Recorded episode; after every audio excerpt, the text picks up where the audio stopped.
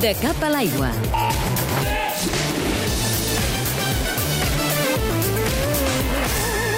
Deu anys després de debutar en un Mundial i fer-ho al Palau Sant Jordi de Barcelona l'any 2003, la catalana Erika Villaecija nadarà aquest estiu al seu sisè Mundial i tornarà a fer-ho també al Palau Sant Jordi, on s'hi tornarà a instal·lar la piscina que serà l'epicentre del Mundial.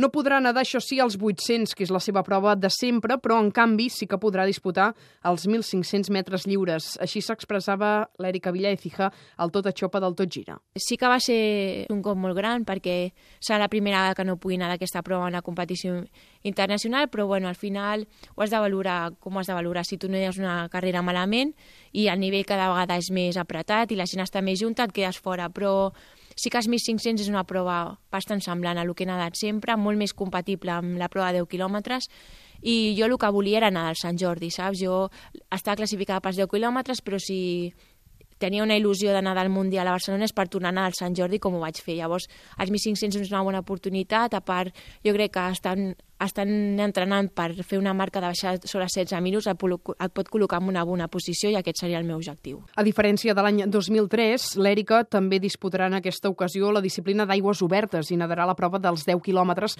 tot i que tampoc descarta fer-ho en 5.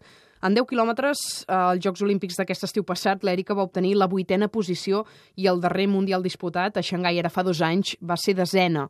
Aquesta és la previsió que en fa per Barcelona. Els 25 eh, segurament que no. És una prova que és molt dura i no em veig amb cor de nedar-la.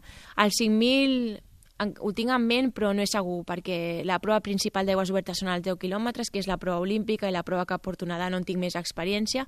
Els 5 quilòmetres són dos dies abans, llavors s'hauria de veure una mica per calendari, si em va bé o no nedar-ho. Aquest Mundial de Natació de Barcelona es disputarà del 19 de juliol al 4 d'agost.